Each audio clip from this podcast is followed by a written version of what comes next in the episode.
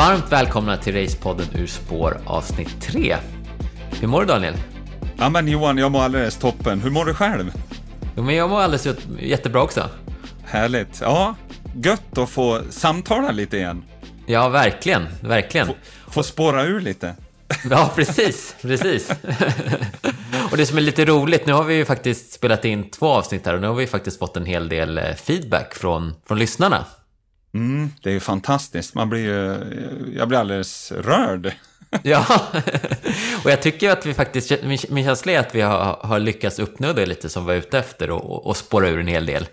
Eh, vi har bland annat Hans här som, som, som, eh, som skrev till oss på Facebook att, eh, att det var en härlig mix, att det var inte bara teknik och valla och kilometertider, kilometertider utan även ett djupare resonemang om livet. Och det är väl egentligen precis det som, som vi har som ett syfte Johan, att få, få göra det, få kliva lite utanför ramarna, få, få ja, egentligen kliva utanför spåret, tillåta oss att, att landa kanske lite till och med mer filosofiska tankar. Mm. Skidåkningen kopplat som en del av livet egentligen. Precis, du hade ju till och med någon som hade skrivit till dig som var lite rörd efter ja. förra avsnittet. Absolut, och, eh, och, att, att vi till och med då kan beröra, det tycker jag är fantastiskt. Det är väl en av de bästa, den bästa feedback vi, vi kan få. Mm. För i ärlighetens namn så, så tänkte jag och, och, du också Johan kanske att eh, det är kul att vi får prata men vi har ingen aning om det är någon som vill lyssna. Nej, precis. Men det är fantastiskt då att vi ändå lyckas nå ut med, med det som är ju det genuina budskapet. Mm. Ja, jätteroligt. Ja.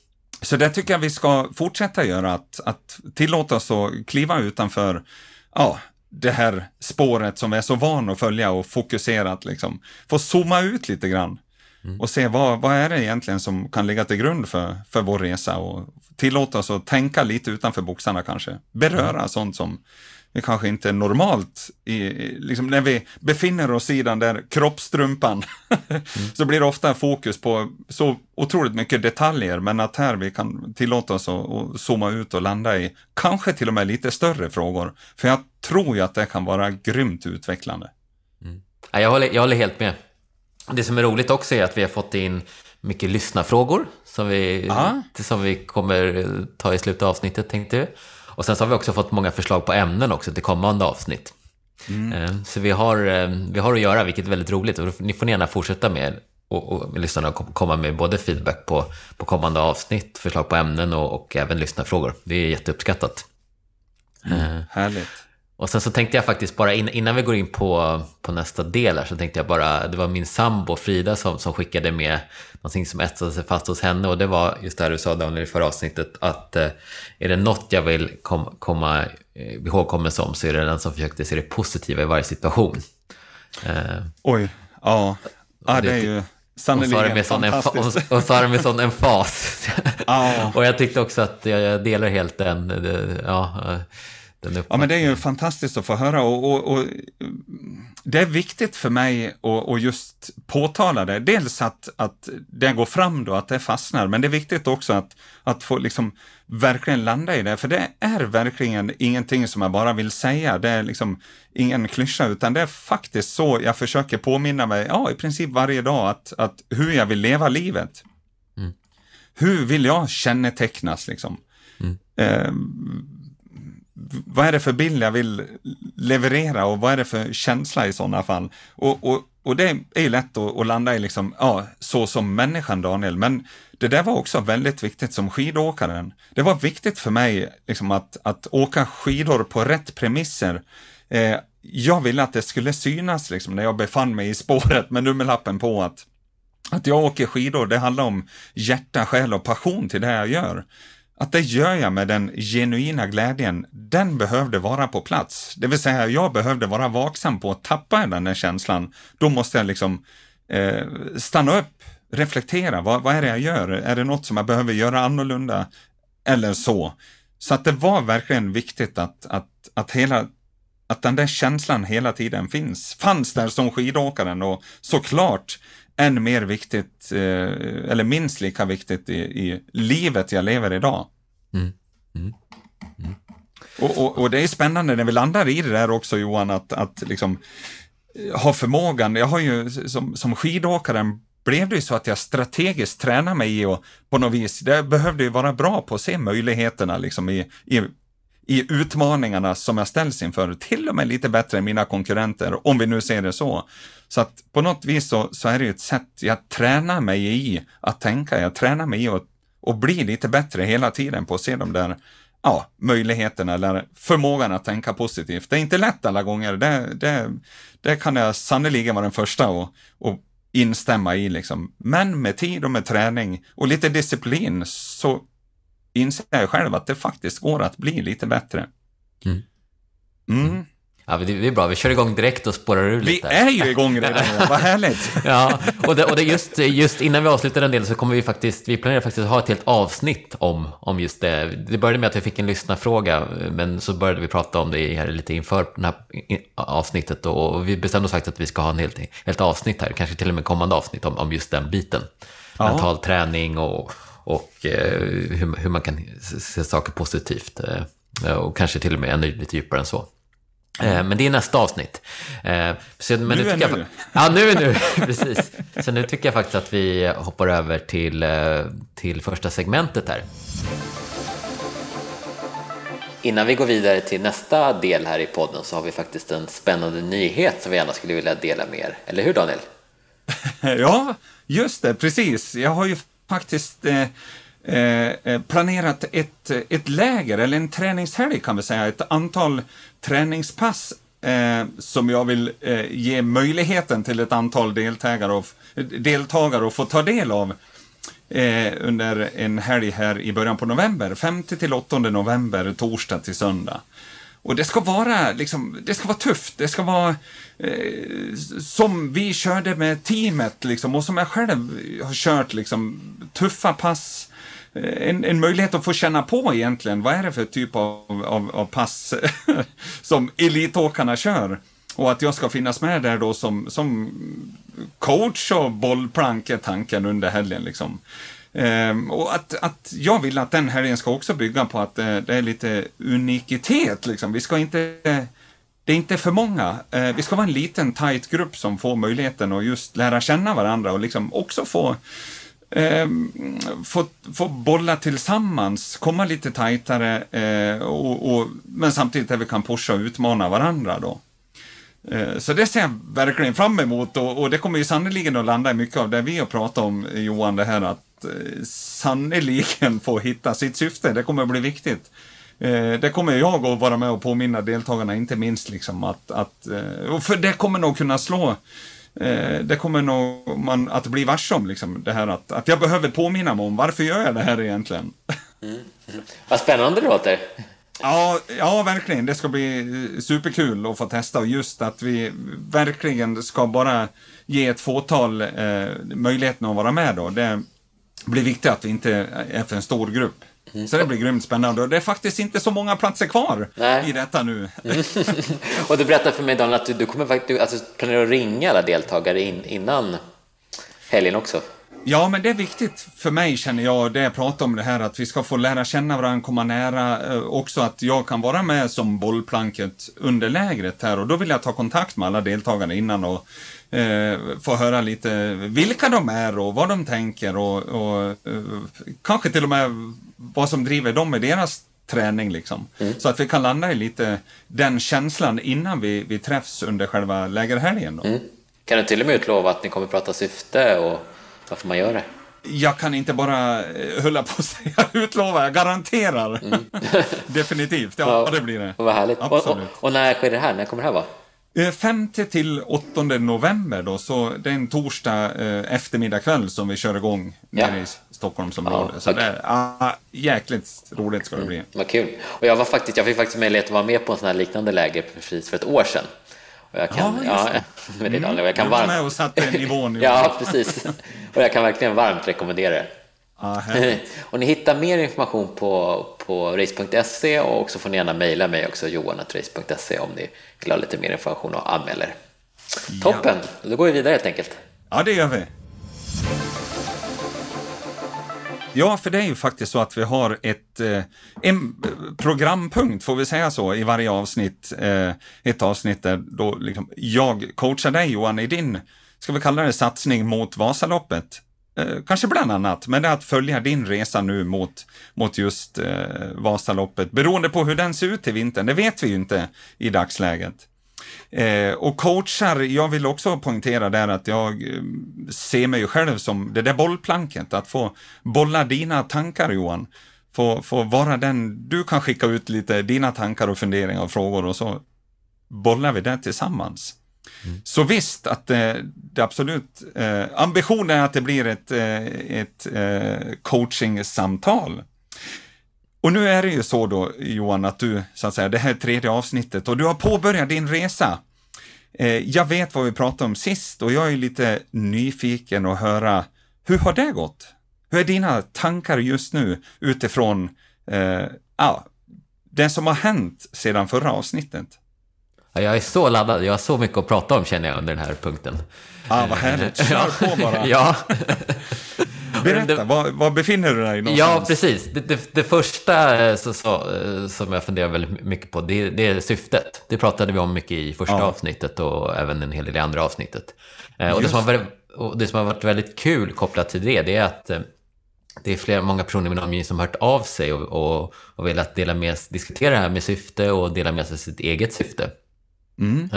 Så det har ju lett till, till väldigt många spännande diskussioner ja, eh, fördjupade diskussioner. Ja. Eh, och, och eh, också att jag faktiskt har lärt känna flera personer i min omgivning lite, lite bättre. Får jag, ja. Mm. Ja, ja jag, jag, tycker det, dels det låter spännande och, och, och, jag blir också lite nyfiken, så här, hur går diskussionen? Vad har det inneburit för dig i din resa, tänker jag då, kopplat till ditt syfte? De här diskussionerna med, med omgivningen då, Ja, precis. Och det blir ju lite dubbelt då. För, för dels så får jag liksom möjlighet att diskutera det här uh, syftet överlag med viktiga syfte som, som, en, uh, som, var, som var en viktig del i, i coachingen Daniel i första avsnittet ju. Att, att, att, mm. att, ha ett syfte. Men sen så blir det också att det faktiskt hjälper mitt personliga syfte som är ja. att, att fördjupa och, och, och, skapa nya och fördjupa sociala relationer. För att det har ju blivit ett, ett sätt att, att, vi, att, att samlas kring, att det hör av sig personer som gärna vill diskutera det här och vill känna varandra bättre. Och det hjälper ju då i nästa steg att uppfylla mitt personliga syfte. Eh, ja, alltså det vill säga du kan få, få eh, kvitto på att du har landat rätt i, i dina tankar. Liksom. Att eh, eh. här kan du ge dig själv feedback på att ja, men det eh, stärka din bild av, att, av, av det syfte du har. Eller det hjälper, det hjälper till att uppfylla syftet snarare, tänker jag. Ja, just det. Eftersom syftet är då att, att, att skapa, fördjupa eh, eh, relationer kopplat till skidåkningen. Och efter, ja, eftersom det är så många som hört av sig nu och velat diskutera just det eh, syftet så har våra relationerna stärkt, så att säga. Ja. Eh, och det var ju ett, ett, eh, det genuina, eh, liksom, grunden i hela ditt syfte, just de sociala mm. relationerna, sociala kontakterna. Ja, precis. För det jag tänker lite på, om jag ska reflektera själv, alltså när man får möjlighet att, jag ska inte säga ifrågasätta sitt syfte eller diskutera kring sitt eget syfte, men att när man får reflektera kring det jag själv har landat i så, så, får man ju möjlighet att kanske till och med utmana sig själv, tänker jag. Eh, liksom, ja, att utmana sig själv i det syfte jag har satt. Kan jag verkligen tänka så? Är det rätt att tänka så? Eh, ja, vad ger det här mig egentligen? Att, att jag får möjlighet att liksom utmana mig själv i de diskussioner, om du förstår vad jag menar. Mm. Vilket ju skulle kunna resultera i antingen att ah, jag kanske Eh, kan justera mitt syfte åt ett eller annat håll. Eller kanske än mer att du, ja, jag är verkligen helt rätt. Det är helt rätt det här som jag landar i. Vad skönt att få det bekräftat liksom. Det tycker jag, de, just att, att dels att få respons på, på syftet du har, men också att få möjlighet att reflektera och diskutera kring dem. Det blir ju viktigt på något vis i din utveckling av, av liksom, att få sitt syfte bekräftat. Mm. Och det känner jag verkligen att det är det sistnämnda. Att, att, ja. Eh, att jag känner att jag har landat i ett rätt syfte. Det har bara förstärkts. Det kändes ja, rätt redan första gången jag uttalade det, men, men det har blivit ännu starkare känner jag eh, mm. under de här veckorna. Eh, jag tror, jag tror jag pratade lite om det förra avsnittet, men jag känner att, att just med skidåkning att det fått ett lite högre syfte Ja. Eh, och, och, så känner jag, det har förstärkt än mer här sedan, sedan andra avsnittet. Och då tänker jag att då, då, börjar, då blir det ju än mer genuint. Jag nämnde lite här tidigare att det, att det var viktigt det här med hjärta, själ och passion i det jag gör. Det vill säga 100% genuinitet i, i det jag ville göra som skidåkare och även det jag vill finna idag. Och, och då, det är den känslan jag får när du pratar nu Johan, att det är ju precis det, vi skapar det än mer genuina, vi får det ända in i själen och hjärtat liksom det som är ditt syfte, det vill säga vi skapar förutsättningar för en optimal resa framåt. Om vi nu tittar på din resa mot ett Vasalopp. Liksom. Mm. Mm. Det vill säga att vi kan skapa förutsättningar för att få ut optimalt av allt du gör. Kanske inte bara träningspassen, som det så ofta blir ett fokus på, utan även allting runt omkring. Verkligen. Mm. Så alltså det, känns, det känns eh, jättespännande och roligt. Ja, och sen så syftet hade... är en sån som du har fått bekräfta. Ja. ja, precis. Och den, den kommer nog att ha med mig hela vägen här. Den, den tror jag vi kommer att återkomma till nästan varje avsnitt. Hur den utvecklas. Ehm, den känns väldigt levande. Ja, och precis det du säger där, att det, kommer, det, det kan utvecklas eller förändras. Så därför blir det också, som du säger, oerhört intressant att få följa det i, i, i resan framåt. För vi får ju aldrig tappa bort vad som är syftet. Det kan absolut förändras, men vi får aldrig tappa bort det liksom. Mm. Jag tror att, mm. jag, som jag känner nu så tror jag det kommer bara snarare förstärkas. Och, och just att, att, att i och med att syftet är att skapa de här relationerna och jag hela tiden har, har skapat nya relationer nu de sista veckorna, för, så, så blir det som en resa, tänker jag. Att, ah. att eh, det kommer förhoppningsvis fortsätta mer fram till Vasaloppet. Eh, Resan växer, kan jag säga så? Ja, så känns det. Ja, mm. vad härligt. Och du med den Johan? Ja, det, ja, verkligen. Det tror jag. Eh, ja. Så känner jag. Mm. Um, och sen den andra saken jag, jag, jag, jag, har funderat på en hel del, det är, jag fick, vi fick, jag fick en hemläxa. Yes. Sist. Och det handlar ju om att genomföra de här lite hårdare, längre passen och, och rapportera hur det har gått. Mm. Um, så här kommer en liten rapport då från de här uh, Erik Wikström-passen uh, som jag hade, jag tror att vi pratade om det i förra avsnittet, att jag hade haft en hel del utmaningar och, och överhuvudtaget genomföra dem tidigare säsonger. Ehm. Det handlar alltså om eh, långa pass eh, med tuffa inslag, högintensiva inslag, liksom, eller hur? Ja, precis. Exakt. Mm. Det är precis som är, som är så jag tidigare i alla fall har tyckt ett mentalt tufft pass och, och, och köra kanske upp mot en och en halv timme i, i, i en hög puls. Mm. Mm. Och sen förra avsnittet då så har jag faktiskt genomfört två sådana pass. Ah, eh, härligt. Ja, och första passet Eh, då kände jag redan in i den här hårdare delen att jag var, var trött 15 eh, minuter in och då, då kom de här tankarna, att, eh, de negativa tankarna. Men det som var positivt Hur var de var, negativa tankarna? Hur, låt, hur, hur låter de i Johans huvud? Jag tror att det är framförallt den här rädslan att jag inte ska orka genomföra passet. Mm. Ehm, och... Vad innebär att inte genomföra passet då? Att du stannar? Ja, stann, ja, stannar, ja, stannar eller sänker farten. Eh, eller e egentligen så tror jag egentligen det handlar om i, i, att, att jag inte ska bara orka åka tillsammans med andra. För jag vet att dels att jag får energi att åka med andra och sen så blir det också mer jobbigt rent eh, och, och inte ha en rygg att åka efter. Så, så jag tror att det är första, första tanken som slår en att oj, nu går det fort. Eh, nu är vi ute här och åker några kompisar jag vet inte om jag kommer orka hänga med. Det vill säga en, en, alltså, att du får släppa, släppa ja. klungan, liksom. Ja, den precis. formen av rädsla. Ja. Eh, och inte så rädslan i sig att det är något, klart det är tråkigt lite så att behöva släppa någon sorts liksom, resultat eller prestationsmässigt, men mer känslan av att risken ökar markant att jag inte genomför passet ordentligt. Och den känslan som... som, som eh, jag, jag, vet att, känsla, att, att möjligheten att jag kan genomföra passet på ett bra sätt den ökar ju markant om jag har någon rygg att åka med.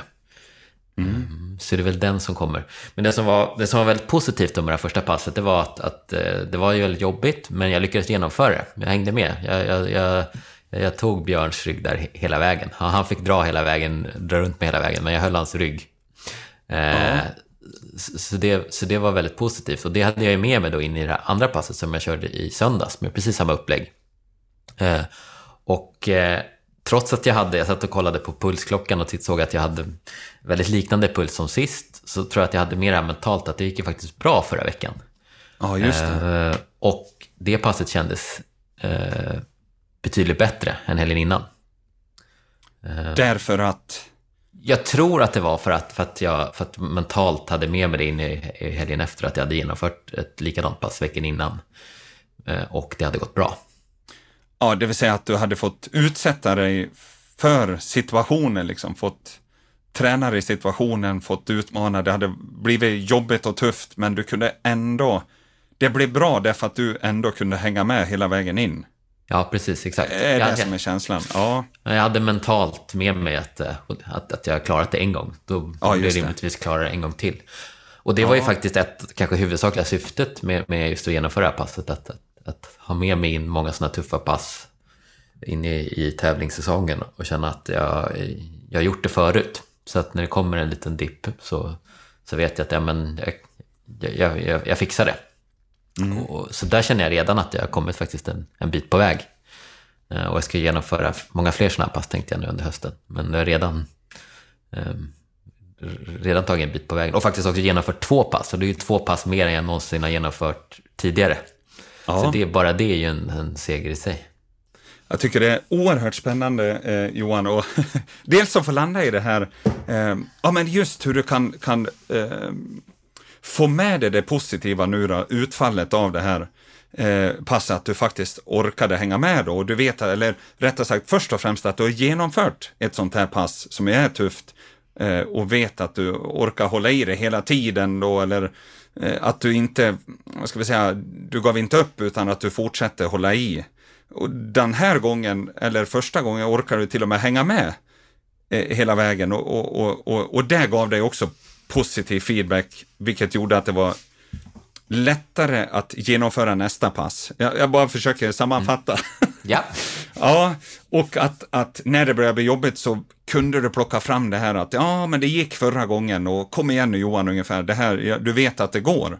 Det tycker jag är grymt eh, spännande att du kan vända det så.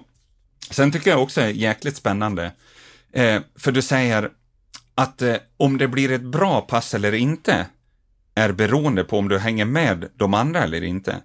Så du menar om du hade fått släppa ryggarna där så hade det blivit ett dåligt pass?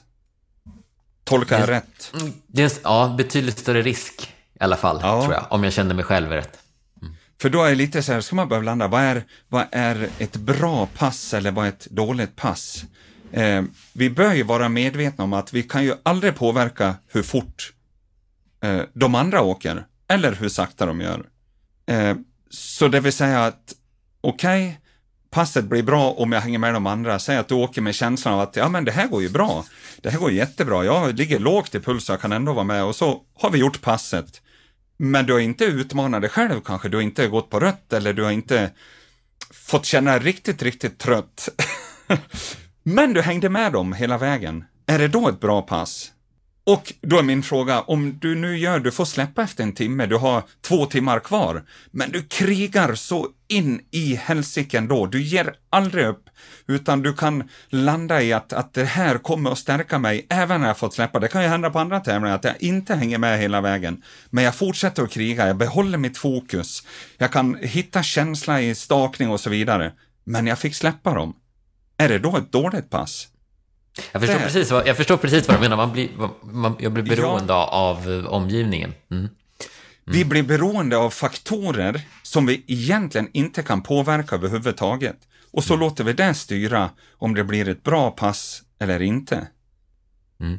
Förstår du vad jag... Ja, jag förstår precis vad du menar. Ja, men jag, jag kanske ja. ska göra så att jag tar med mig det som en uh, hemläxa och tränar på det. Ja, för det, det så jag... tänker jag. Mm. Hur kan vi lägga syftet så att oavsett, för så fick jag träna mig att tänka, eh, hur kan jag lägga syftet så att jag kan ge mig den feedbacken på att jag har genomfört det så som jag vill, oavsett vad som händer runt omkring eller oavsett vilka faktorer som finns där. För jag menar, det kan ju hända saker under ett lopp när vi kör som vi inte kan påverka, men vi behöver hantera situationen. Om nu målet är att ta sig till mållinjen så fort jag bara kan, om nu det är syftet och, må och målet, då behöver vi vara bra på att hantera att, att det händer saker. Till exempel, jag får släppa klungan. Jag vill ju inget hellre än att jag ska gå med den där klungan, men jag får släppa den. Blir det då en dålig tävling? Och då menar jag på att det kommer ju vara beroende på en massa faktorer som jag inte kan påverka. Eller du, jag bryter en stav. Blir det då en dålig tävling? För att jag får släppa.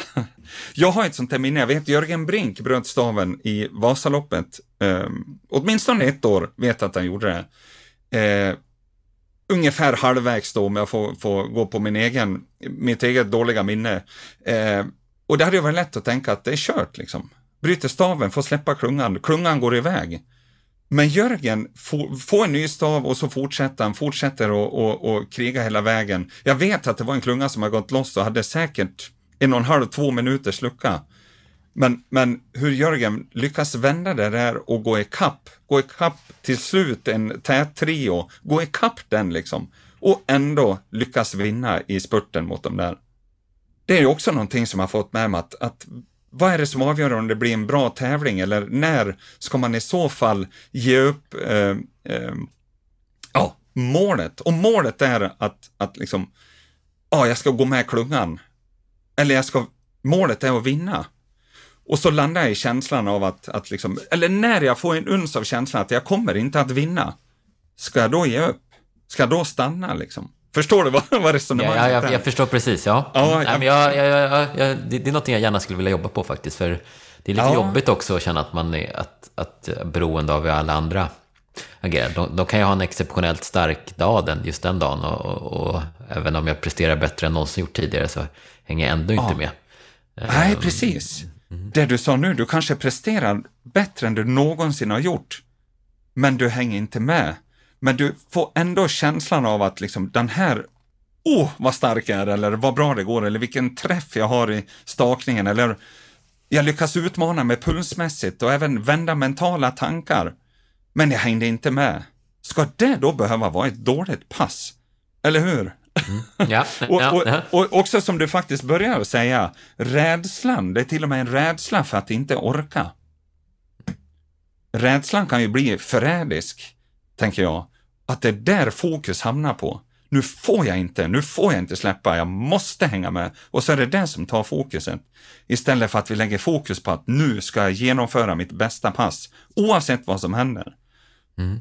Mm. Ja, men jättebra. Ja, men det är jättebra feedback. Ja, jag, ja. jag tänker det blir att utmana lite till. Vi är ju inne i ja. resan, processen att börja. Först och främst, så fantastiskt att du kan få med dig, ah, jag fixar det, och vända det till en styrka liksom. Mm. Mm. Mm. Grymt! Ja. Och så nu får vi fortsätta bolla och landa de där tankarna. Jag tycker det är grymt spännande Johan. Mm. Härligt att höra. Ja, ja. Fantastisk, hade jag en sista, eh, eh, vad ska vi säga, fantastiska reflektioner, så ska jag säga. Ja. Som landar i en medvetenhet om hur tänker jag då? Ja. För den medvetenheten blir ju en förutsättning om vi ska kunna utvecklas vidare. Mm. Så grymt på det Johan! Bra. Ja. ja. Sedan så har jag en, en tredje eh, del, sak som jag gärna skulle vilja ta upp i den här sista delen i, i coachingdelen idag. Och det ah, var härligt. Pass, Spännande! Ja, ja, och det var ett pass som, som jag genomförde i, i måndags. Eh, och det, det är ett distanspass, som jag, eh, ett pass som jag fick få till varje vecka. Mm. Eh, och det är ett pass som egentligen handlat om att, att, att samla ett par timmar i eh, träningsdagboken och, in, och inte eh, haft något riktigt tydligt syfte. Eh, och ofta har jag lagt det här passet eh, dagen efter, ett lite tuffare pass. Och i det här fallet nu så låg det på måndagen då efter, eh, jag har kört det här lite tuffare långpasset på söndagen. Ja, just det. Och det brukar oftast medföra att jag är lite trött när jag ger mig ut på det här passet. Och i det här fallet nu så var det också måndag efter att ha jobbat första dagen och var lite trött på grund av det också. Så förutsättningarna brukar vara lite så här halvdåliga. Vilket mm. medför att det här passet brukar kanske inte alltid bli det allra bästa. Ehm, och, eh, men just nu i måndag så, så, så, så, ringde den här klockan också med, med, eh, vi hade pratat om de här fem nycklarna i, i första avsnittet. Och en av dem var just det här med eh, tekniken. Och, det, och den är jag rätt dålig på att träna faktiskt. Så när jag att, stod att, där och... Fokuserat eh, träna teknik, tänker ja, jag. Precis. Ja, ja. Eller egentligen mm. inte tränat någon teknik överhuvudtaget. Väldigt lite i alla fall fokuserat på det. Ja, just det. Ehm, så, så det ringde lite i mina öron där när jag stod där och, och, och när jag skulle välja man kan ha lite olika rullmotstånd på, på rullskidorna så att de kan bli lite trögare eller lättare. Eh, så stod jag där och valde och jag vet ju med mig att, att om jag väljer ett par lite trögare rullskidor så, så medför att, att eh, det blir lättare att träna på teknik. Just det. Men det har ju den nackdelen att det blir, att det blir tuffare, mm. själva passet. Och så jag stod där och valde om jag skulle välja något lite tuffare. Kommer jag verkligen orka det idag? Kommer jag kunna genomföra ett bra pass? Med andra sidan så har jag ju, hade jag med mig den här nyckeln från Daniel att ja, men, träna på teknik. Så då valde jag faktiskt som lite tyngre, tyngre rullskidor till slut. Och resultatet blev faktiskt ett av årets bästa pass. Eh, Oj! Ja, det Fantastiskt! Var, det var, ja, det var lite oväntat, för det var just efter det där eh, tuffa passet och så. Och jag tror att anledningen till det var att, att eh, tidigare så har jag inte haft ett tydligt syfte med det här passet, Nej. utan jag har mest åkt ut och, och, och kört lite. Men sen här, nu hade jag liksom från första stavtaget att nu ska jag träna teknik. Jag ska verkligen försöka få en bra träff i, i stakningen. Och eh, det gjorde att, jag, att det blev väldigt, väldigt bra. Jag kände att jag, vet, jag tror faktiskt aldrig att jag någonsin haft, känslan i alla fall var att jag aldrig, riktigt, aldrig tidigare haft en sån bra träff på stakningen någon gång tidigare. Eh, vilket var en fantastisk härlig känsla.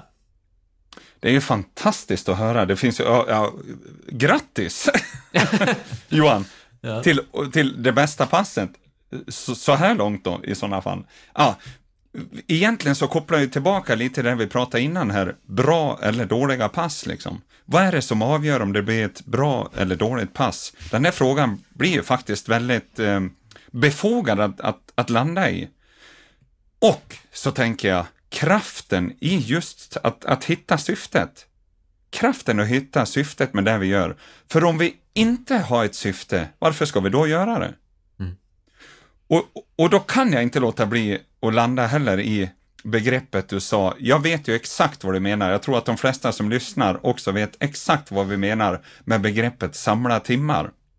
Men från och med nu så slutar vi använda oss av det. vi samlar inte timmar. Varför ska vi samla timmar? För det är så jäkla lätt och, och vi, vi, ser en siffra i en träningsdagbok eller en planering att så här mycket timmar ska jag göra och då blir allting bra. Men om vi saknar innehåll i de där timmarna, vad kommer de då att ge? Om vi inte vet vad timmarna ska ge, varför ska vi då göra dem? För i min värld, jag vet ju exakt vad vi menar, för jag har ju själv varit i den världen och fått träna mig och mer lägga fokus på vad är det jag gör med de där, med tiden, med de där timmarna. Jag gissar att du också Johan har haft känslan någon gång att, att ja, jag ska träna eh, två timmar, men jag kommer tillbaks efter 1.56. För att du ska vara riktigt nöjd så måste du åka fyra minuter till. Kan du känna igen det? Där? Absolut. Absolut. Ja, och jag tror många andra kan göra det också. Mm. Men i ärlighetens namn, om vi nu verkligen zoomar ut lite grann. Är det de där fyra minuterna som gör skillnaden? Eller är det de där 1.56 där jag har gjort ett bra innehåll i passet som faktiskt är det viktiga? Mm. Egentligen så är det ju helt ointressant om du är ute 1.45 eller 2.15 liksom. Mm. Om nu syftet är att ja, träna en, en, ett, ett fokus eller teknik för den delen. Mm. Då måste ju fokus vara på att hitta den där känslan som du gjorde nu. Så dels så tycker jag, dels få landa i det begreppet. Vi, syftet blir så oerhört viktigt och det är så kul att se då att, att du kan känna av kraften i det, utfallet av det, när du verkligen landar i vad som var syftet med det där passet. Att allt behöver inte vara att hänga med klungan eller att jag ska vara så trött som möjligt. Eller att jag måste åka på en viss hastighet eller att jag ska vara ute en viss tid liksom. Det är även andra bitar som kommer att spela roll och det var lite det vi landade med de här nycklarna exempelvis, att det kommer att handla om en helhet. Det är många pusselbitar som avgör. Om det nu vore så enkelt som att den som har mest timmar i träningsdagboken kommer att vinna tävlingarna, så skulle vi inte ens behöva köra tävlingar. Vi kan samla in träningsdagböckerna och så skriver vi resultatlistan efter den, eller hur? Eller efter dem. Mm. Men vi vet ju att så enkelt kommer det inte att vara. Det kommer att bygga på en helhet och någonting så mycket, mycket mer än just den där siffran som i sådana fall står i en träningsdagbok. Mm. Mm. Ja. Så, så tycker du, lite konkret, att tycker, för just nu så har jag den här perioden som jag är just nu här i september-oktober månad, att, att försöka få till 10 timmar träning i veckan. Tycker jag ska ändra det målet till att få till ett antal bra pass istället.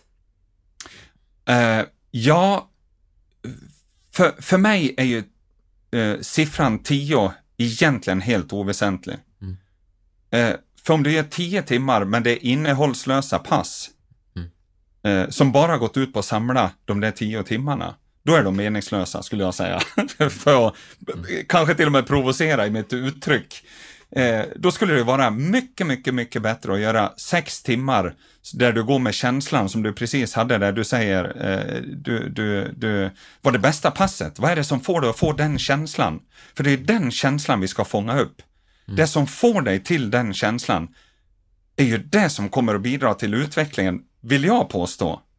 Och då måste det vara bättre att göra eh, om timmarna hamnar på sex eller om de hamnar på tolv blir ju egentligen oväsentligt. Det viktiga är att du får med dig känslan att bra Johan, jag har genomfört ett grymt pass. Du hade till och med känslan att jag har genomfört mitt bästa pass, årets bästa pass till och med. Det är ju fantastiskt. Det är ju grymt. Mm. Och då var det egentligen oväsentligt hur lång tid det passet var, utan det var fokuset på tekniken och ditt genomförande och den känsla det skapade.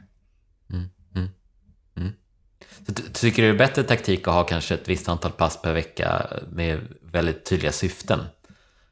Och, ja, och, det är, ja, Absolut, och vi landar lite i, säg nyckelpass tror jag eh, jag, jag nämnde då, eller som en av de där nycklarna, eller ja precis, de fem nycklarna, att, att hitta sina nyckelpass.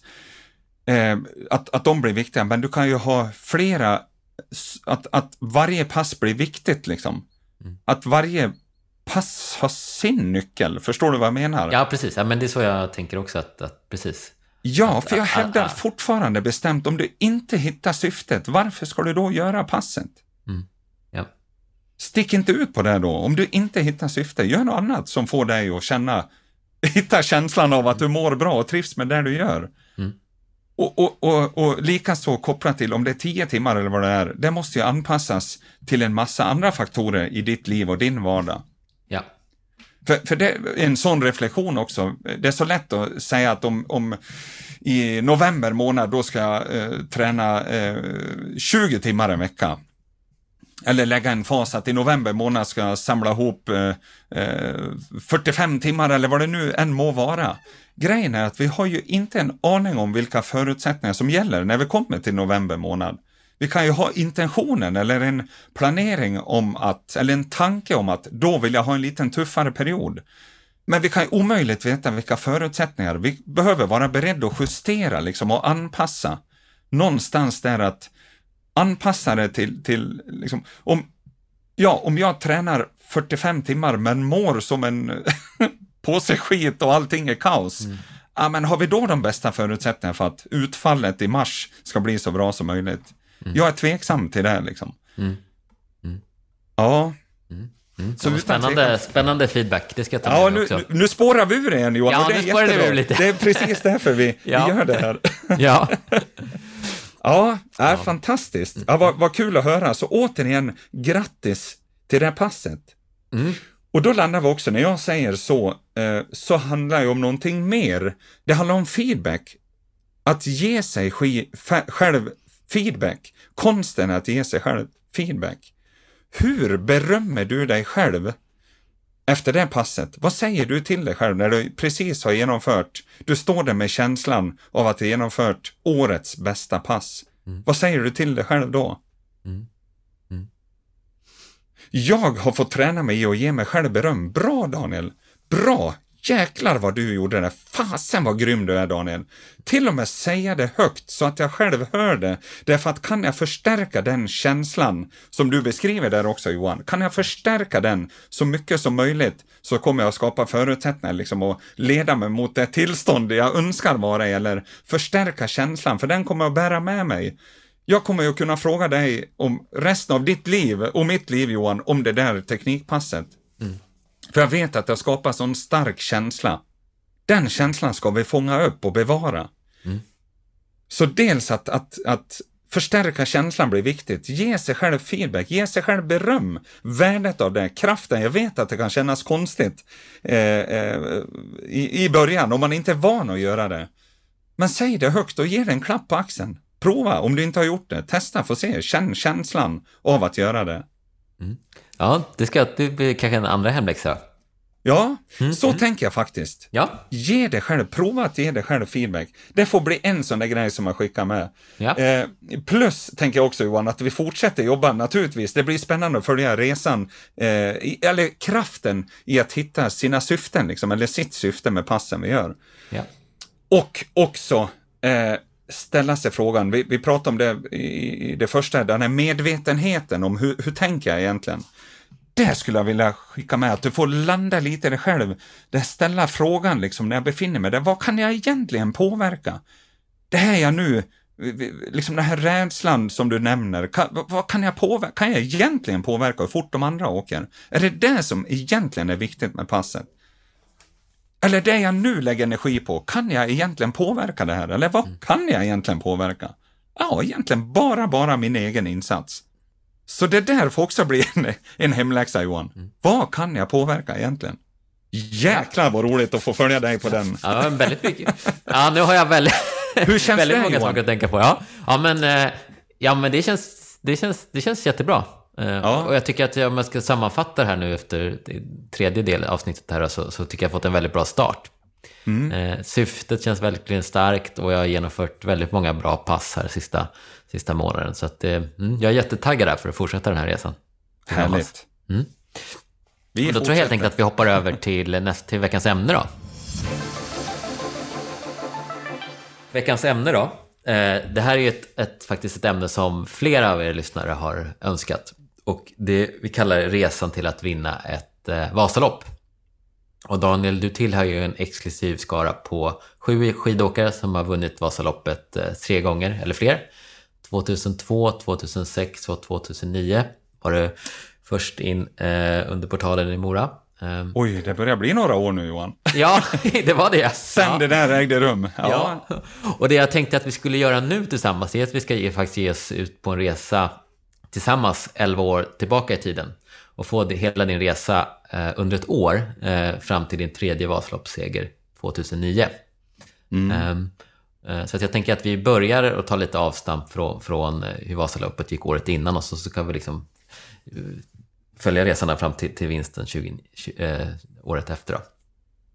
men innan vi gör det så tänkte jag bara höra sådär, jag, jag gav dig ett val här, du har ju vunnit tre gånger.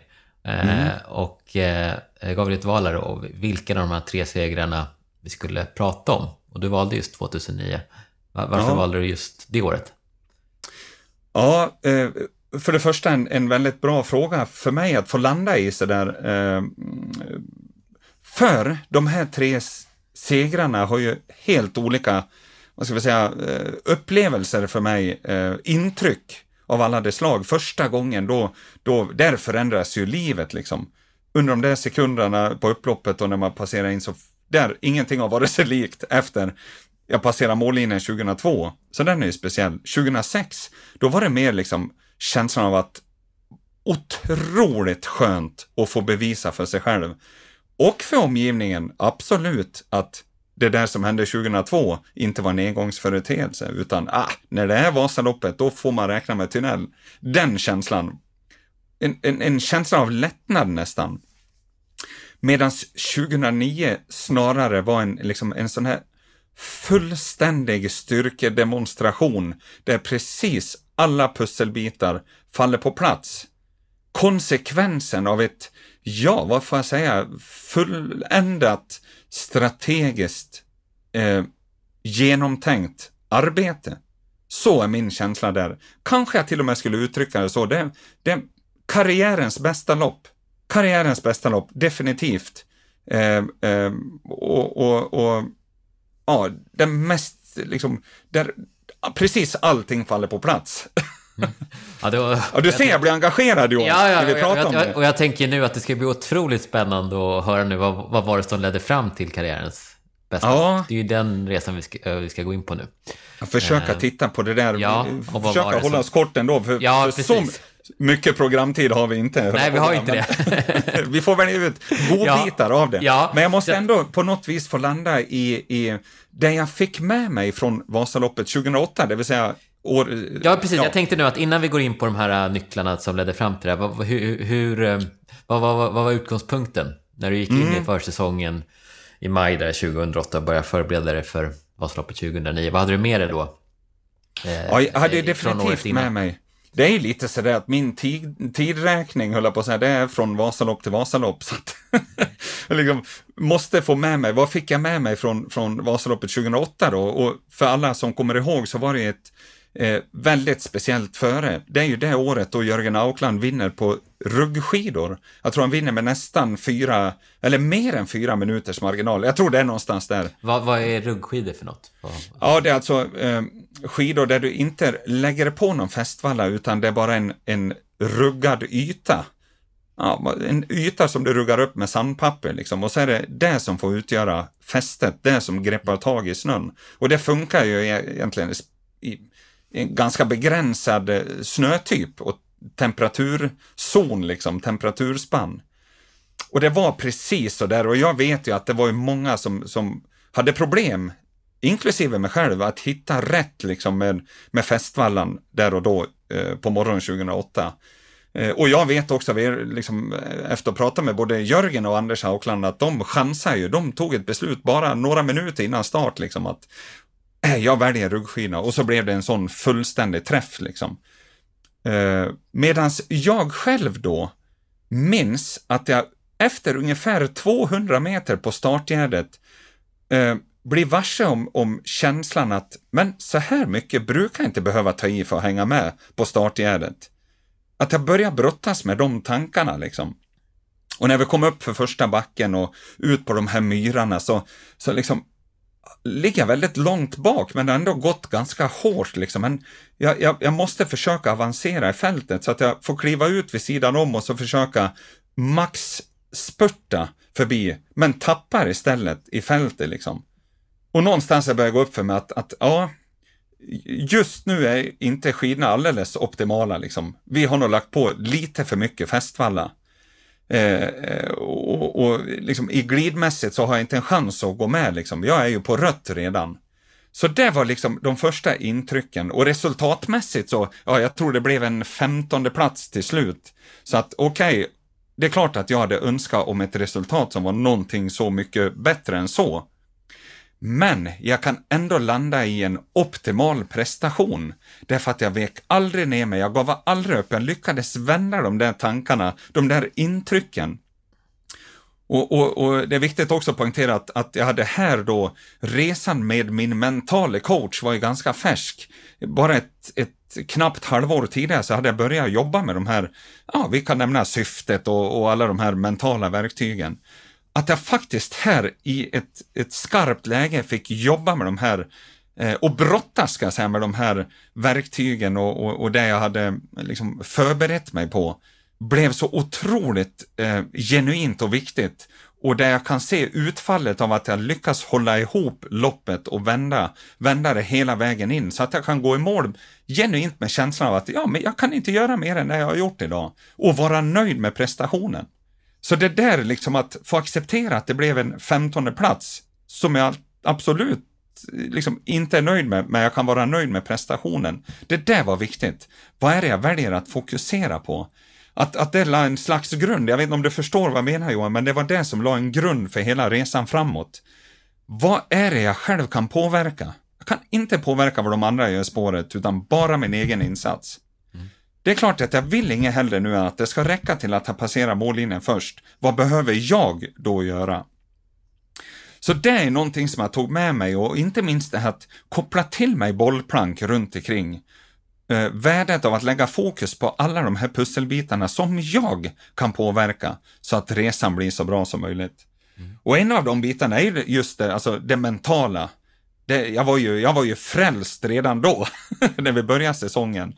Att liksom få, få utveckla det där och någonstans ska sammanfatta allting då som, som blev väldigt specifikt och som jag tror är en viktig nyckel till, till att jag fick uppleva, eller att Vasaloppet 2009 blev som det blev, ja. ska jag säga. Men, ja, men, så, att om vi, så att om vi bara, innan där vi går in på det, så, så du, ja. du, du, du, kände att du hade en bra grund där, trots att resultatmässigt 2008 inte gick som du kanske hade hoppats på.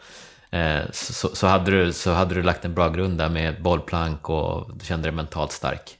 Ja, den resan det var, började. Det var utgångspunkten ja. när du började förberedelserna inför, inför Vasaloppet 2009.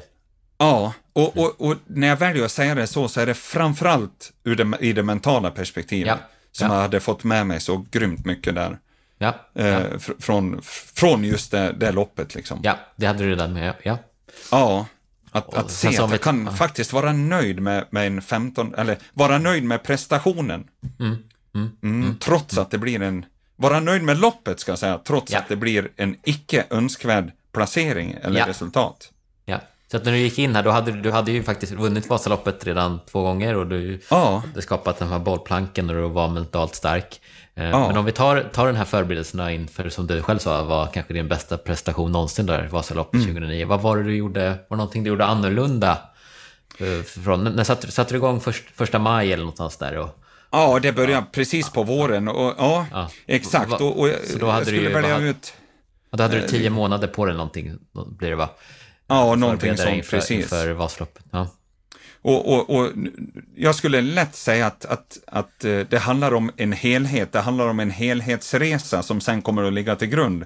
Skulle jag välja ut några viktiga nycklar eh, som jag, ja, kanske gjorde annorlunda, eller kanske som jag blev lite bättre på genomförandet, så är det ju dels de mentala bitarna, mentala nycklarna.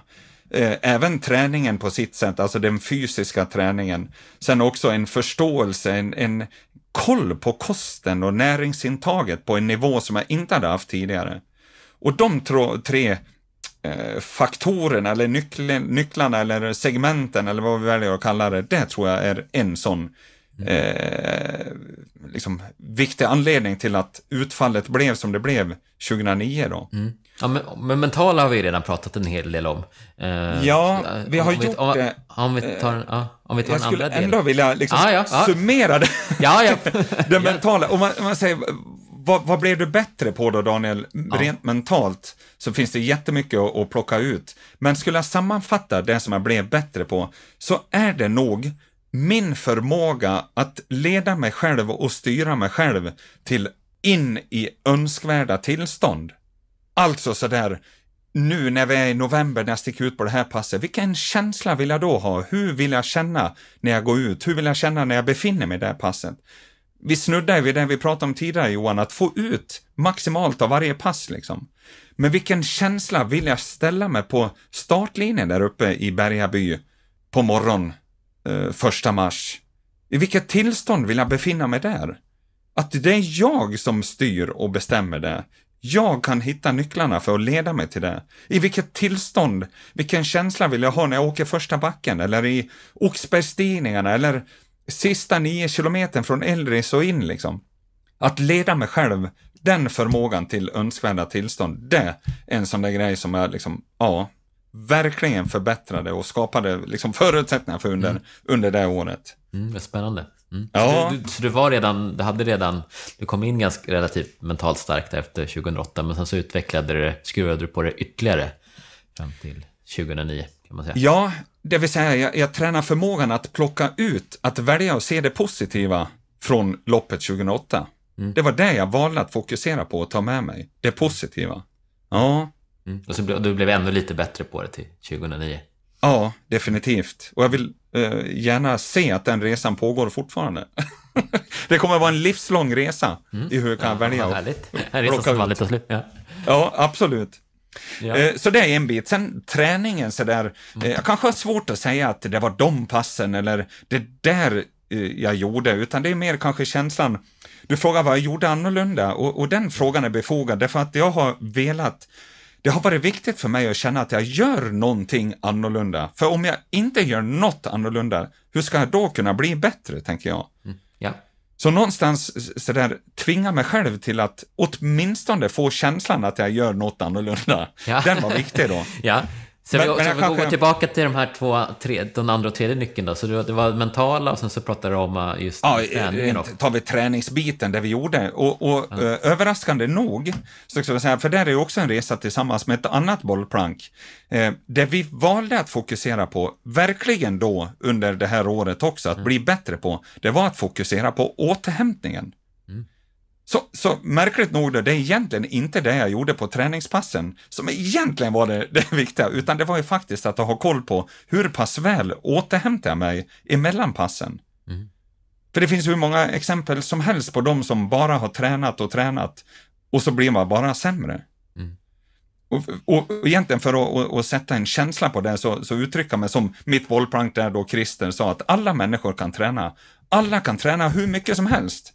Men det är den som har förmågan att ha rätt ja, balans mellan träning, återhämtning och alla andra övriga pusselbitar i vardagen. Det är de som skapar bäst förutsättningar för att få ut maximalt av sig själv. Hur, hur gjorde det, du det rent konkret? Testade du på något sätt? Eller hur, ja, faktiskt, det gjorde vi. Och, och vi, hade ett, ett eh, vi testade hjärtfrekvensvariationerna, kan man säga. Det vill säga hur mycket tiden mellan hjärtslagen varierar. Och i mitt fall då så gjorde jag, jag hade ett pulsband på mig som registrerade eh, ja, just den, det datat kan man säga. Eh, hur mycket tiden mellan hjärt, hjärtslagen varierar. RR-värden tror man säger.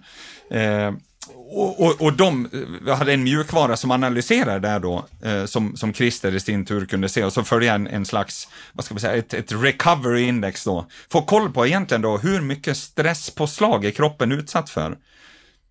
För, för, stress blir en belastning på kroppen, eh, men det är mycket annat också i vår vardag som är en belastning på kroppen. Eh, så det gäller liksom, när har jag återhämtningen och är verkligen det som jag menar ska vara återhämtning, är det verkligen återhämtning?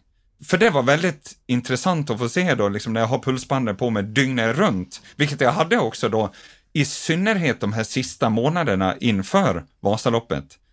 Det var dygnet runt i, under flera månaders tid, liksom, för att någonstans ha det här som ett, ett stöd och hjälpmedel. Ska jag gasa, ska jag bromsa eller kan vi köra på som vi har tänkt?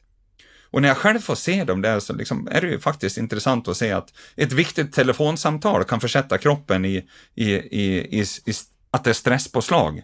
Mm. Och det där liksom, att få en förståelse för det, att det kommer handla om en helhet. Det spelar ingen roll om jag liksom tränar de timmarna jag tänkt, men jag missar återhämtningen. Hur ska då kunna bli bättre liksom? Att få en känsla för det och hitta en, en balans liksom.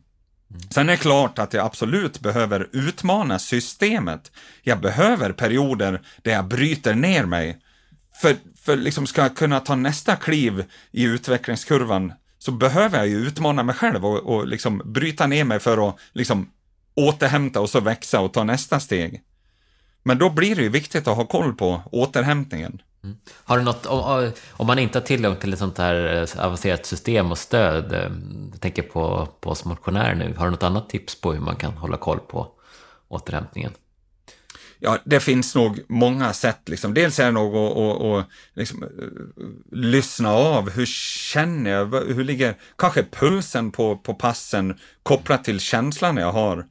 Har jag svårt att, att och uh, komma upp i hög puls så som jag brukar på hårda intensiva pass, ja, kanske jag börjar bli lite sliten liksom. Mm. Uh, någonstans, jag var vaksam på de här signalerna, är det dags att dra i handbromsen?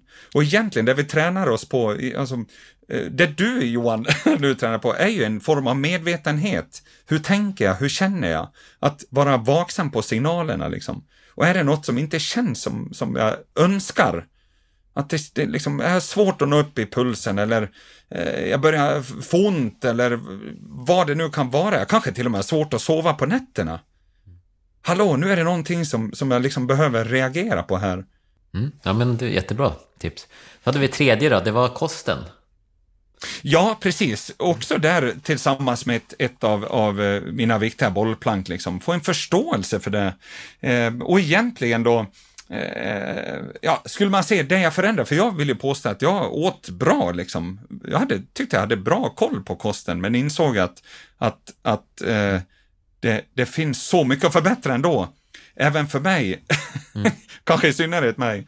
Mm. Ja, men dels det här, skulle jag försöka summera det så var det framförallt det jag förändrade, vill jag påstå. Det är ju att, att liksom åt, försöka dra ner på det tillsatta sockret. Var vaksam på det liksom. Eh, och, och, och och, och dessutom äta mycket mer frukt och grönt. Mm. Och variera frukten och, och det gröna jag har på tallriken. Tänka mycket färger liksom. Mm. Det var en, att mycket mer frukt och grönt och, och mindre med socker. Ja. Vad var det några speciella produkter du tog bort som, som du åt, som, som hade mycket tillsatt socker?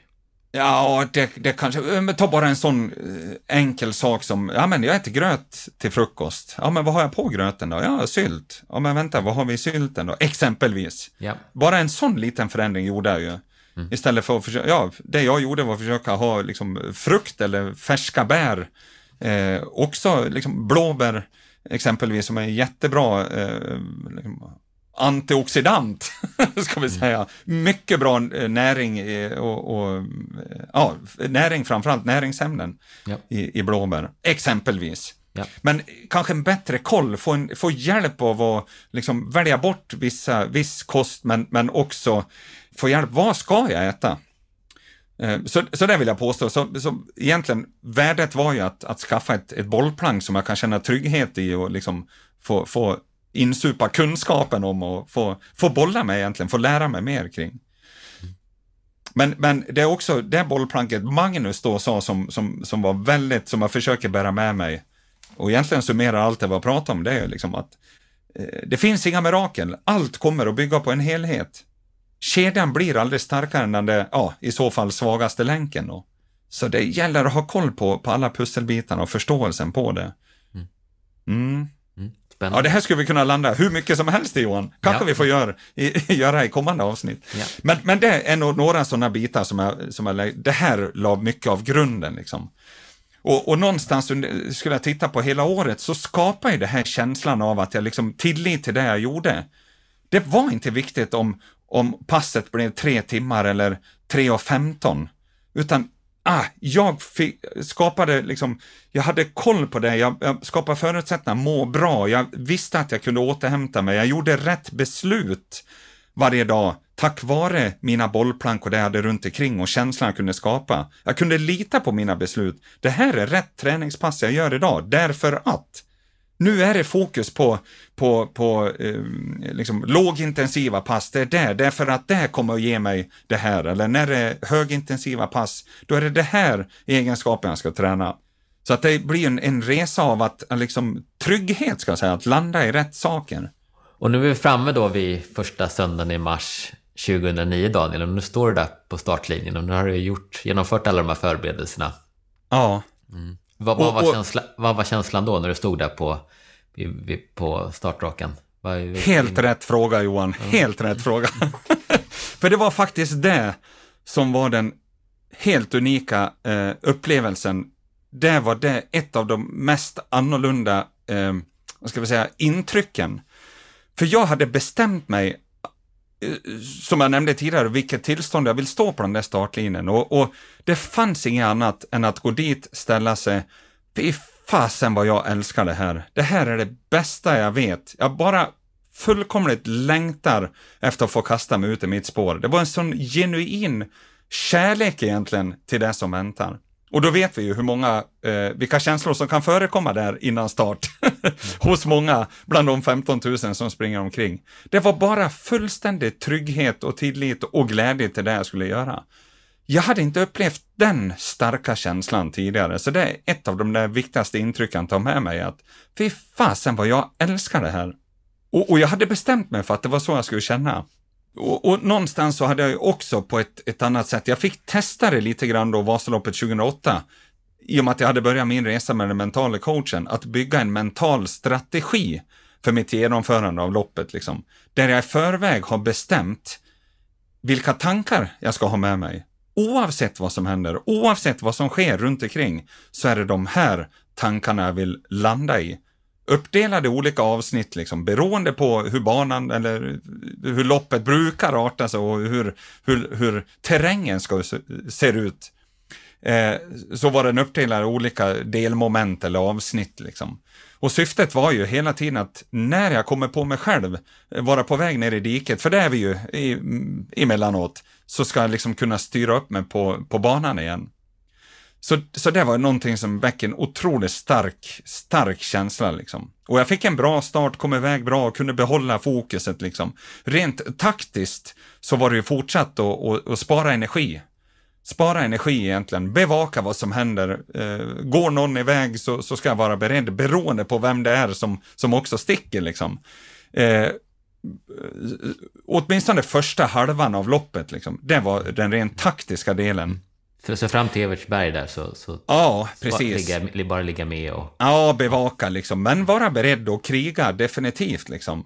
Eh, men jag själv ska inte vara, göra någon offensiv körning eh, innan Evertsberg.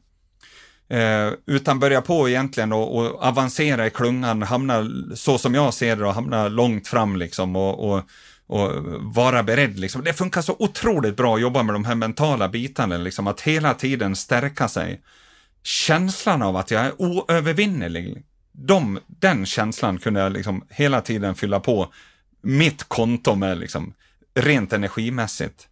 Det fanns liksom ingenting som kunde eh, hindra mina tankar. Eh, och, och det var jäkligt häftigt att få uppleva. Eh, rent taktiskt så, så tror jag det var då efter Oxberg kan vi säga som jag liksom försökte bli mer och mer offensiv och i synnerhet eh, när vi kommer till högbergsstigningarna. Där liksom vill jag, där ville jag vara den som också tar taktpinnen. Och, och, och, det kunde jag göra, det utfallet blev det liksom. Så någonstans nu när jag blickar tillbaka på loppet så, så blev min taktiska del, det var att liksom bara mata på med ryck eh, eh, för att mala ner mina motståndare i spåret. Liksom att, att bara trigga, gå, gå in i, i, i det där tillståndet själv och, och liksom älska tillståndet, bara köra på liksom och sen kliva tillbaks och så återhämta, fylla på. Och det var också något som var otroligt signifikant det året, det var förmågan att återhämta sig. Jag kunde köra mig så att jag var helt vrålfärdig liksom, eh, vrålstum och sen bara gå tillbaka till klungan och så gick det ja, typ en, en halv minut och så var jag pigg igen. Det var ju liksom en magisk sån känsla. Så att jag liksom hela tiden kunde gå på med nya ryck då. Och någonstans så, så eh, vi, vi, passerar Eldris och kommer ner 6-7 kilometer kvar. Ett sånt där minne jag får så har jag precis gjort ett ryck sådär och går tillbaks till klungan och så landar det i känslan att men, men vad gör de? Varför kör de inte? Vad sakta det går liksom. De, kommer ikapp bakifrån liksom. Varför kör de inte? Och då kunna landa i känslan, finns ingen som åker ifrån mig idag. Eller finns ingenting som liksom kan, kan ja, åka ifrån mig, så ska jag uttrycka det. Och, och, och, den känslan var också magiskt häftig att få ha där. Eh, och sen då blev nästa ryck med facit han blev ju avgörande då. Då är vi kanske en fem kilometer kvar. Då jag märker, jag går upp och kör och så får jag liksom den här lilla luckan då. Då var det Oskar Svärd som, som eh, jagade mig kan man säga, som hade också gått loss ifrån från klungan. Eh, och då har vi en fem kilometer kvar, det ändå kommer loss liksom och så är det ju, det handlar ju bara om sekunder. Men det är klart att det blir viktigt där att fortsätta köra.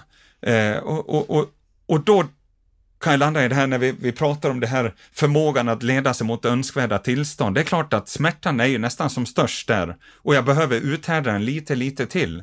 Men då har jag under ett års tid träna mig att fullständigt älska det tillståndet, att älska den där smärtan som jag befinner mig nu. Det är ju det bästa jag vet. Jag vet ju att jag behöver vara där och att det är den där känslan jag liksom ska, ska omfamna. jag ska bara, det är ju det bästa jag vet. Jag älskar ju den, jag njuter av den. Det var de tankarna som jag kunde plocka fram där och bara fortsätta, liksom fortsätta och så blir det ju att jag kan komma in mot upploppet, Moraparken och upploppet där i, i liksom ensam, ensam majestät och komma in på liksom bli veta, när jag svänger in på upploppet så vet jag att det här fixar jag liksom, jag kommer att vinna. Och, och, och njuta av den resan, de där hundra meterna eh, in mot målportalen, är ju förstås helt magisk. Så med tanke på insatsen, prestationen jag gör, så blir ju också utfallet det mest optimala. Så det är därför jag också säger att det här, det här är karriärens mesta lopp med tanke på allting. Med tanke på utfallet och med tanke på genomförandet, med hur jag håller ihop allting och så mycket och allt runt omkring med serviceapparat och allt sånt där funkar. Mm. Wow, mm. ja. Ja, men vilken, vilken resa. Ja, ja. ja, det är ju fantastiskt liksom. Uh, ja, och, och, att få uppleva det och att det kan bli det utfallet liksom. Mm. För det är klart att jag har haft den där känslan i andra lopp men där utfallet inte har blivit detsamma. Mm. Mm. Mm. mm. Spännande. Ja, med det sagt så tror jag att vi får hoppa vidare till, eh, till den sista delen här och det är ju lyssnarfrågorna.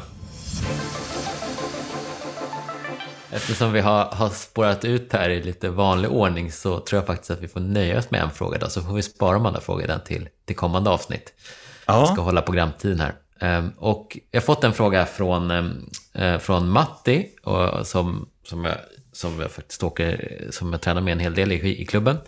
Uh, och han ställer sig lite frågande till, jag tror att den vänder sig till både, till både oss, uh, hur ja. man ska kunna få ihop en, en, en ambitiös satsning på skidåkningen och, och, samtidigt inte ha ett resultatmål. Att det kan bli en konflikt där lite grann, läser jag mm. mellan raderna. Och så säger han själv också att han har svårt att, att, att bottna hitta ett eget syfte som, som inte är ett, ett resultatmål. Mm. Uh, och jag tänkte att vi kan båda svara på de här, men jag kan börja. Jag tror att jag var lite inne på det i, i, i förra avsnittet, att uh, det jag landat i är att, att ha ett sånt här högre syfte just med relationerna det kommer, ju, kommer medföra att jag kommer kunna ge mig ut på fler pass, tuffare pass, eh, eh, än jag inte, om jag skulle kunna, inte skulle, gjort, skulle kunna göra utan det här syftet. Och det kommer leda till, tror jag i alla fall, det får vi ju följa nu fram till Vasaloppet då, men, men, men att, att jag kommer kunna även nå ett bättre resultat. Så att det finns ingen konflikt däremellan, tänker jag. Utan det är tack vare det. Mm. Mm. Du säger till och med att det får en djupare mening, eller hur? Ditt, ditt, eh, ditt idrottande eller din träning får liksom en djupare mening. Ja, precis. I och med att du har kunnat ja. landa i det där syftet. Ja. ja, och det är fantastiskt. Ja. Sen så, men sen så ser jag ingen, ingen konflikt med att, att, att med ett, det är antingen eller så att säga. Att Nej. man ska ha en djupare mening eller välja att ha ett resultatmål, utan jag tror att eh, det, det, det går hand i hand tänker jag. Lite grann, du är, du är, du är trygg i tron av att du, du har hittat ett, ett syfte som känns ända in i hjärtat, på riktigt. Eh, du är trygg i att, att om du bara följer det så kommer eh, konsekvensen, utfallet, resultaten också komma som en följd av det. Exakt, precis. Exakt. Ja. Jag tror till och med att jag kommer kunna prestera ett bättre resultat med, ja. ett, med ett annat syfte än, än som bara handlar om ett resultatmål. Ja. Eh, men det här tänker jag, för mig är det här någonting nytt. Så att, så att eh, eh, det, det, blir intressant att följa nu hela hösten och, och, och, vintern. Och sen så får vi faktiskt, vi kommer ju få också feedback på hur det går då. Ja, och, jättespännande och, och, och för den, jag tycker det är otroligt intressant den här diskussionen, för det är ju sådär, i slutändan då, när vi har genomfört vårt lopp, vad är det vi väljer att vara besviken på? Är det vår egen insats eller är det resultatet? Och är det resultatet som vi väljer att i så fall, om det nu inte blir önskvärt, är det resultatet vi väljer att vara besvikna på, så lär vi vara medvetna om att då väger vi in en del faktorer som vi inte kan påverka. Och jag håller med dig, det, det, mm. det, är inte alldeles enkelt. Det här är inte enkelt för mig heller, definitivt inte, men jag har fått träna mig i att försöka landa i det och förstå. Och, och, och jag hör ju att det låter konstigt när jag nu uttrycker mig att mitt mål var inte att vinna Vasan. Målet var inte att vinna. Mitt mål, det var att lägga allt mitt fokus på att göra min optimala prestation. Jag vill inget hellre att när jag passerar mållinjen så ska känslan till 110 procent vara den att mer än det jag har gjort, det kan jag inte göra idag. Vara ärlig mot mig själv och svara på det. Vad skulle jag egentligen då ha gjort annorlunda? Mer än det jag har gjort idag, det kan jag inte göra. Det var det, var liksom, det, var det jag ville uppnå. Sen, om det leder till en första plats eller 21 eller eh, 1021, det kommer jag hänga på vad en massa andra gör i spåret. Och det kan jag ju inte påverka. Om jag nu blir tvåa då, som jag ju också har blivit tre gånger, så har jag ändå kunnat landa i att jag varit faktiskt nöjd med prestationen, men insett att ja, det var en som var bättre än mig den dagen. Jag kan inte säga att jag har velat göra någonting annorlunda heller, för det har också varit viktigt. Hur vill jag åka mina lopp? Det har varit viktigt. Det är möjligt att jag kanske hade kunnat valt en annan taktisk del, men är det så jag har velat åka? Det har ju varit viktigt. Jag vill åka skidor med hjärta, själ och passion. Och, och det jag också liksom vill landa i då, sådär att, att, att förmågan att kunna skilja på prestation och resultat. Just det där förståelsen för vad är det jag egentligen kan påverka. Och om jag nu väljer att, att vara besviken då som sagt, så blir det ju viktigt att vara ärlig mot sig själv. För, för att välja, för det är ju någonting vi väljer, tänker jag. Vi väljer att, att bli besvikna. Ska jag vara besviken på det här eller inte? Eller ska jag vara nöjd? mm. Och, och, om man nu väljer att vara besviken, hur länge är det då tillåtet sen att lägga energi på något som jag egentligen inte längre kan påverka? Mm. Så egentligen för att summera det där då, så skulle jag vilja ta ett citat Johan, ja, som jag tycker är så otroligt bra, som jag vill bära med mig. Och det är faktiskt så pass färskt för mig, så att det var här i vintras tror jag, som Frida Karlsson säger i en intervju efter sin resa för ett år sedan, där hon egentligen inte fick tävla heller då. Så säger hon sådär att jag förlorar aldrig. Antingen så vinner jag eller så lär jag mig något. Mm. Och det citatet säger så mycket, egentligen kopplat till det vi också nu pratar om. Mm. Mm. mm. Spännande. Men ska vi Hur känns se? det? Jo, men det känns bra. sen, sen, så, sen så bara för, för, för, för att få svara på, på Mattis fråga också, eller det här, så, så, så, så blir det ju trots allt, det blir ju ett, ett, ett resultat också på ett lopp. Ja, så, så jag tycker faktiskt att det ska bli lite spännande också att se nu kan det ju hända saker, det är att man inte är på topp just, just den dagen och att man har genomfört allt som man hoppas på. Men det ska ändå bli lite spännande att se, tycker jag, om just det här högre syftet leder faktiskt till ett bättre resultat. Ja, eh, precis. Det, det, om vi får, ja, det, det, den resan, det, ja, det, det, det vore ju, ja. Det, jag tror jag ju tänker, det nu, fast, fast, ja. vi, fast det som är så bra med det här, att vi får ju verkligen svart på vitt. För, för då, som, jag får en sån insikt Johan, som, som jag ställer frågan där och då. Låt säga då, vi vet ju inte, men, men om du inte når eh, elitledet, mm. har då allt det vi gjort nu varit bortkastat? Nej, så känner, jag känner att det, det, det, det är den här resan som är det fantastiska. Ja, precis. nu. Så det, det, det, det, det kommer jag inte vara. Eh, eller, det är lite så eller lite besviken. Eh, jag kommer inte kanske vara helt nöjd, men, men, men inte det som är huvudmålet, utan det här, det här är själva resan. Och sådana saker Jaha. som vi gör nu, jag tycker det är fantastiskt att sitta och göra det här med dig Daniel. Det är en sån sak som är liksom mycket, mycket viktigare. Ja, eh, för jag tror, men, kan vi landa i, ett, det genuina syftet så kommer, kommer vi kunna ha så mycket lättare att se mm. och fokusera på det vi har fått med oss på resan, ja, det positiva ja. och det vi har gjort bra. Mm. Men det känner jag redan att vi är på god väg med. Ja. Eh, och vi har bara börjat här nu också, så att det är ju vi är bara på tredje avsnittet, så att det finns ju massvis av tid på att utveckla ännu mer också. Oj, oj, oj, vad ska den här resan ta vägen Johan? Ja, ja nu får vi nog ta avsluta. Vi lyckades inte... Som vanligt så spårade du ur en hel del. Eh, men ska vi säga så för idag Daniel? Vi gör så, så ja. tar vi nya tag nästa gång. Ja, och följ oss på sociala medier och sen så kan man faktiskt kolla också, eh, följa med på Strava om man vill, om man vill titta in på de här eh, tuffa passen vi pratar om i podden, så finns de där uppe. Och så syns vi om två veckor igen helt enkelt. Ja, ja. hej! Ja, hej hej!